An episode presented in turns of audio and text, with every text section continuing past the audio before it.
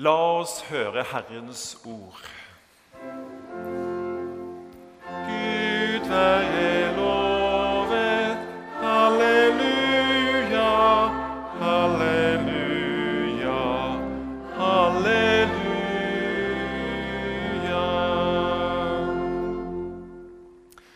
Det står skrevet i Johannesevangeliet i det 15. kapittel. Når talsmannen kommer, han som jeg skal sende dere fra Far, sannhetens ånd som går ut fra Far, da skal han vitne om meg. Men også dere skal vitne, for dere har vært hos meg fra begynnelsen av. Slik lyder det hellige evangelium. Halleluja, halleluja, halleluja.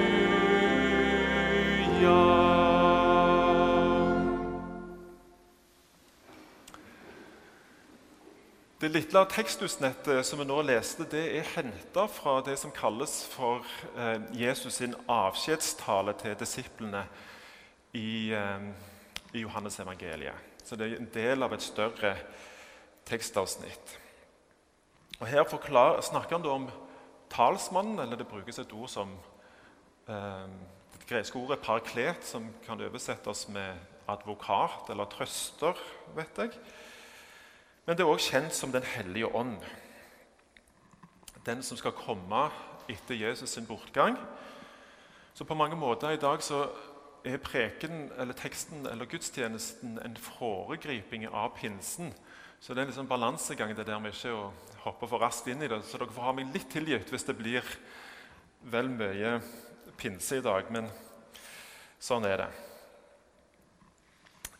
Jeg lurer på hva, hva, er med, hva er det dere tenker på når dere hører ordet 'Den hellige ånd'? Kanskje så forbinder vi det med kristne som tar litt av. Eller at det er noe for de som er litt ekstreme. En klubb for de spesielt innvidde med svart belte i åndelighet. Eh, og Kanskje så dukker det òg opp bilder inni hovene våre av eh, representanter for kristendommen som gjerne ikke er den mest sjarmerende utgaven. Men så kan det òg hende at Den hellige ånd har fått et altfor dårlig rykte. Iallfall i vår kirke. Kanskje i en pinsemenighet så er det annerledes. Der er, det, der er jo selve poenget at eh, menigheten nærmest defineres ut ifra Den hellige ånd. Men vi forbinder ikke Den hellige ånd som en sånn veldig sånn uttalt del av, av, i våre sammenhenger. Men en av de som mente at Den hellige ånd hadde fått en, et dårlig rykte på seg, er teologen Jørgen Moltmann. Det er en som jeg ble kjent med da jeg studerte teologi i eh, Tyskland på 90-tallet. Um, I dag så er Jørgen Moltmann en gammel mann. Han er snart 100 år gammel. Men det var bare for et par år siden så holdt han et foredrag i, i Oslo. Um, og På 60-tallet skrev han en veldig kjent bok, en klassiker, som ble kalt for 'Håpets teologi'. Eller det vil si, egentlig, så Jeg ble ikke kjent med Jørgen Moltmann. Jeg ble kjent med en medstudent som var veldig begeistra for Jørgen Moltmann. Um, og En dag så tok han motet til seg, og så ringte han på døra til Jørgen Moltmann. Han bodde rett på sida av universitetet. Um, så han var modig i den forstand at han eh, kontakta en professor. Og det var ikke bare bare i Tyskland, for professoren de, de, de rakte ganske høyt og gjør det fortsatt. Men Jørgen Moltmann han var ingen hvilken som helst professor heller. Han var, og er vel kanskje den mest kjente og berømte teologen i vår tid. Men min kamerat han ble overraskende nok invitert inn til Jørgen Moltmann på kaffebesøk. Eh, ikke bare én gang, men mange ganger. Og Hver gang han hadde, han hadde vært der, så kom han entusiastisk tilbake igjen på lesesalen. og Så pikket han meg på ryggen, og så satte vi oss ned i kaffekroken og så diskuterte vi samtalte om hvordan det hadde vært å være inne hos selveste Jørgen Moltmann, eh, og hva, hva de hadde snakket om. På den tida holdt Jørgen Moltmann på å fullføre en trilogi, en trilogi om treenigheten. Um, den første boka handler om Gud uh, som skaper, eller Gud i skapelsen. Og den andre boka handler om um, den, korsfest, heter den, den korsfestede Gud, som handler om Jesus Kristus. Og den siste boka som han skrev, den hadde tittelen um, 'The Spirit of Life' på engelsk, eller uh, 'Livets kilde'. Og Den handler om um, Den hellige ånd. Eh, men at Den hellige ånd ikke bare handler om ånden som virker i kirka og i, i, de troende, men at ånden, Den hellige ånd virker er til stede i alle livsopprettholdende krefter i verden og i skaperverket. Den, det er den livskraften som er tilgjengelig i oss og rundt oss. Og Dette med treenigheten det er jo ikke så lett kanskje å forstå seg på. Eh, når du studerer teologi, så dukker du gjerne ned i dette. Sant? Men det har lett for å bli, begynne å ligne på matematikk. Um, Samtidig så er det en veldig viktig og vesentlig del av hvordan eh, den kristne gudsforståelsen er. Den viser oss at Gud er et fellesskap av tre personer. Fader, Sønn og Hellig Ånd. Og at selv om de er forskjellige, så er de forent eh, i sin essens, i sitt vesen. Så når treenigheten viser oss at Gud er kjærlighet og fellesskap. Altså Disse tre personene i guddommen de står i en relasjon til hverandre. Og Denne enheten i mangfoldet gir oss også en modell for hvordan, hvordan vi er kalt å være i forhold til Gud og til hverandre. Og Den hellige åndsfunksjonen i dette snakker bl.a. Moltmann om. Da, det å knytte sammen den knytter Gud til Jesus Kristus, og den knytter Jesus Kristus til Gud. Og Vi kan òg si at Ånden knytter oss til Gud, som betyr at Ånden er den kanalen vår som vi har til å forstå og oppleve hva Guds kjærlighet er for noe. Hans nåde og hans nærvær i våre liv. Og sånn at det, Når det snakkes om eh, Johannes-evangeliet om, om talsmannen, så er det Den hellige ånd som talsmann som representerer Gud for oss. Men talsmannen eh, står det litt tidligere i samme tekstavsnitt som vi leste fra i dag. Men talsmannen, Den hellige ånd, som Faderen vil sende i mitt navn, skal lære dere alt og minne dere om alt det jeg har sagt dere. Sånn at Ånden den hjelper oss med å forstå betydningen av den virkeligheten som Jesus representerer. Ånden gjør det mulig for oss å føle Guds nærvær og gi oss styrke til å leve etter Guds vilje.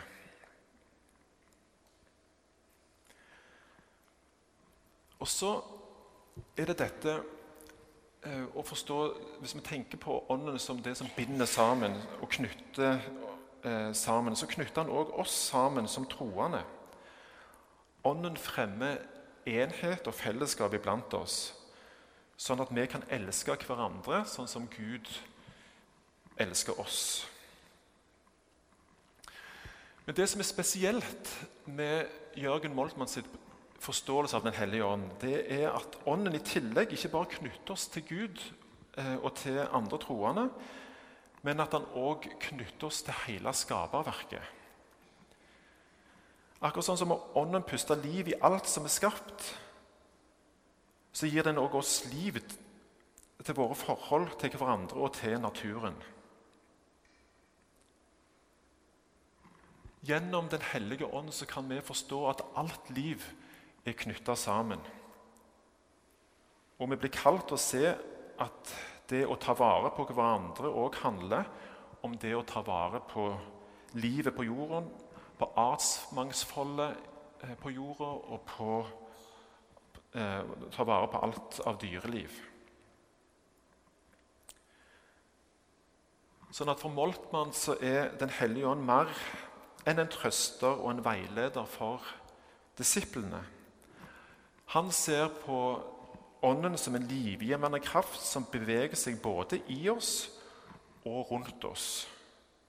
Det er en kraft som puster liv i universet ved skapelsens begynnelse, og som hele tida puster livet inn i oss.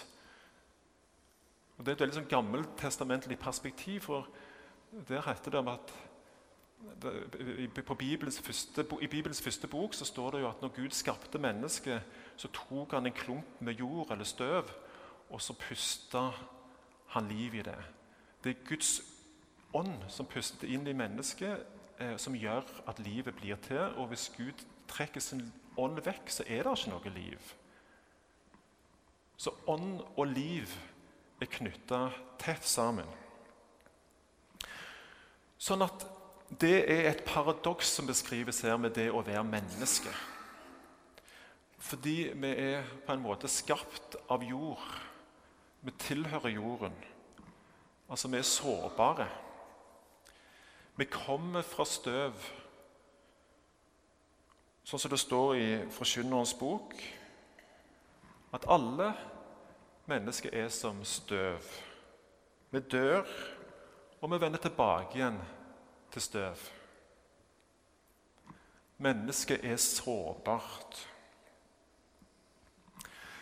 Her om dagen så prøvde jeg å ringe til rørleggeren min, som over lang tid hadde sagt han skulle komme og um, fikse eller gi oss nye varmepumper. Den skulle komme i eh, februar, men den er ennå ikke kommet. Um, jeg ringte, ingen tok telefonen. Jeg ringte igjen. Og Det eneste jeg får beskjed om når noen tar telefonen, er at vi prøve å ringe igjen. Jeg blir frustrert. Jeg får lyst til å kaste telefonen ut av vinduet. Så hvordan kan det ha seg at de løgneste ting, de minste ting, kan sette oss sånn ut, tenker jeg noen ganger. For har du hatt øyeblikk hvor det er sekunder bare fra å miste det for småting? Vi kommer fra støv og vi er sårbare. Og selv de som virker sterke og mektige, de er òg sårbare.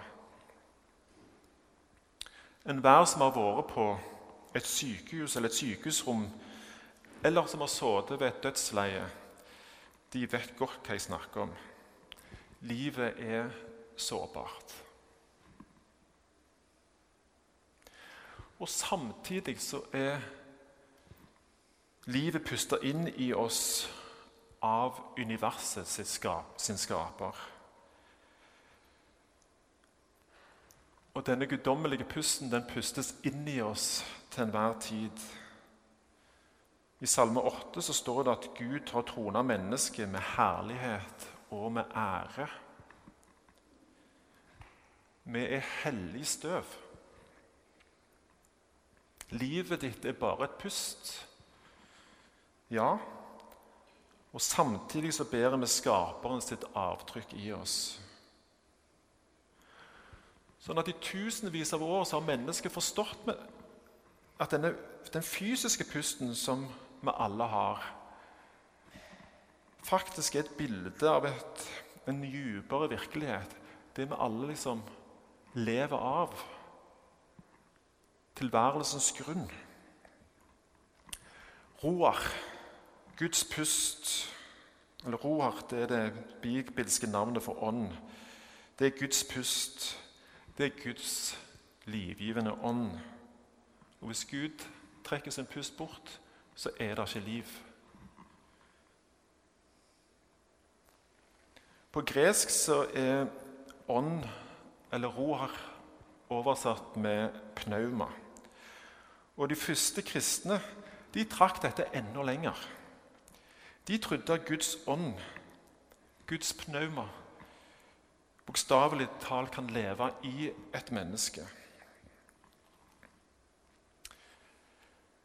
I romerbrevet så heter det at Guds ånd, Guds pnauma, den som reiste Jesus fra de døde, den ånden, den lever i deg. Og kroppene våre gjøres levende av denne ånden. En annen plass i Bibelen så heter det at Den hellige ånd um, um, helliggjør. Å helliggjøre det betyr å rense eller eh, ta vekk det som er ureint. Som betyr noe sånn som at når du lar Gud inn mens du puster, så blir du oppmerksom på alt du òg trenger å gi slipp på. Så hvis vi er totalt ærlige med oss sjøl, akkurat her vi sitter nå Hva er det som foregår i deg? Hva er det du bar med deg inn i kirka i dag før du kom? Hva vil du finne ut hvis du stopper opp og kjenner etter? Hva vil du si? Hvis du bare åpner deg litt opp. Hva er det du er sint for? Hva er du bekymra for? Er det noe som plager deg? Hva er det som fyller hodet ditt? Hva er det som stresser deg? Så hvis du er helt ærlig om hva som foregår i deg, er det noe du trenger akkurat nå å puste ut? Og Jesus sa i fortellingen vår at Den hellige ånd skal veilede oss til sannheten. Er det noe i livet mitt jeg ikke er helt ærlig om, eller som jeg ikke klarer å ha kontakt med? Kanskje kan vi tørre å åpne opp. Kanskje kan vi tørre å være ærlige. Når vi samtidig vet at sannheten alltid kommer med nåden og tilgivelsen og kjærligheten. I hebreerbrevet så står det at det er i Han og gjennom Han at alt eksisterer. Denne guddommelige pusten den strømmer gjennom deg, og den strømmer gjennom den som sitter på sida av deg, og den som sitter på sida av den igjen. Du er på hellig grunn. Og det er en hellighet i menneskene rundt deg. Og Hvordan vi behandler oss sjøl og hvordan vi behandler andre, det betyr noe. Jesus sier at det du gjør for dem, det har du òg gjort for ham. Og På denne måten å tenke på om Den hellige ånd, så ser vi eh, og forstår vi Ånden som en universell tilstedeværelse. Ikke bare i mennesket, men i alt rundt oss, i hele skaperverket, i hver tre, i hver elv, i hver stein, i hver fugl, i hver blomst, så er det en manifestasjon av Åndens livgivende kraft. Så det Moltmann gjør i boka 'The Spirit of Life', det er at han utvider forståelsen av Ånden. Fra det personlige og kun knytta til det kirkelige til det mer økologiske og det universelle. Ånden er ikke bare med oss, men den er rundt oss og i alt liv som eksisterer. Sånn at det betyr at vi ikke bare er kalt til å være vitner om Kristus, Men vi er også kalt til å være vitner om livet som han gir. Og det livet det er ikke bare begrensa til menneskelivet. Men det inkluderer òg som sagt alt liv i naturen. Trærne, elvene, fjellene, fuglene og blomstene. blomstene. Sånn at Moltmanns perspektiv minner oss om at vår tro på Kristus og vår kjærlighet til Gud nødvendigvis innebærer òg en kjærlighet til skaperverket. For hvis vi elsker Gud, så vil vi òg elske det som Gud elsker. Og I dagens situasjon med klimaendringer og med naturødeleggelser så er denne forståelsen av Den hellige ånd og livet rundt oss tenker jeg, mer relevant enn det det noen gang har vært. Sånn at i møte med disse utfordringene og i kontakt med Ånden som kilde til alt liv, så kan vi møte dem. Vi kan utforske hvordan vi sjøl kan næres åndelig av naturen, og også hvordan vi kan bidra til å verne den. Så la oss be.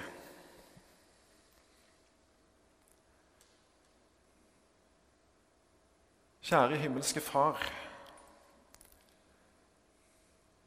La Din Hellige Ånd virke i oss.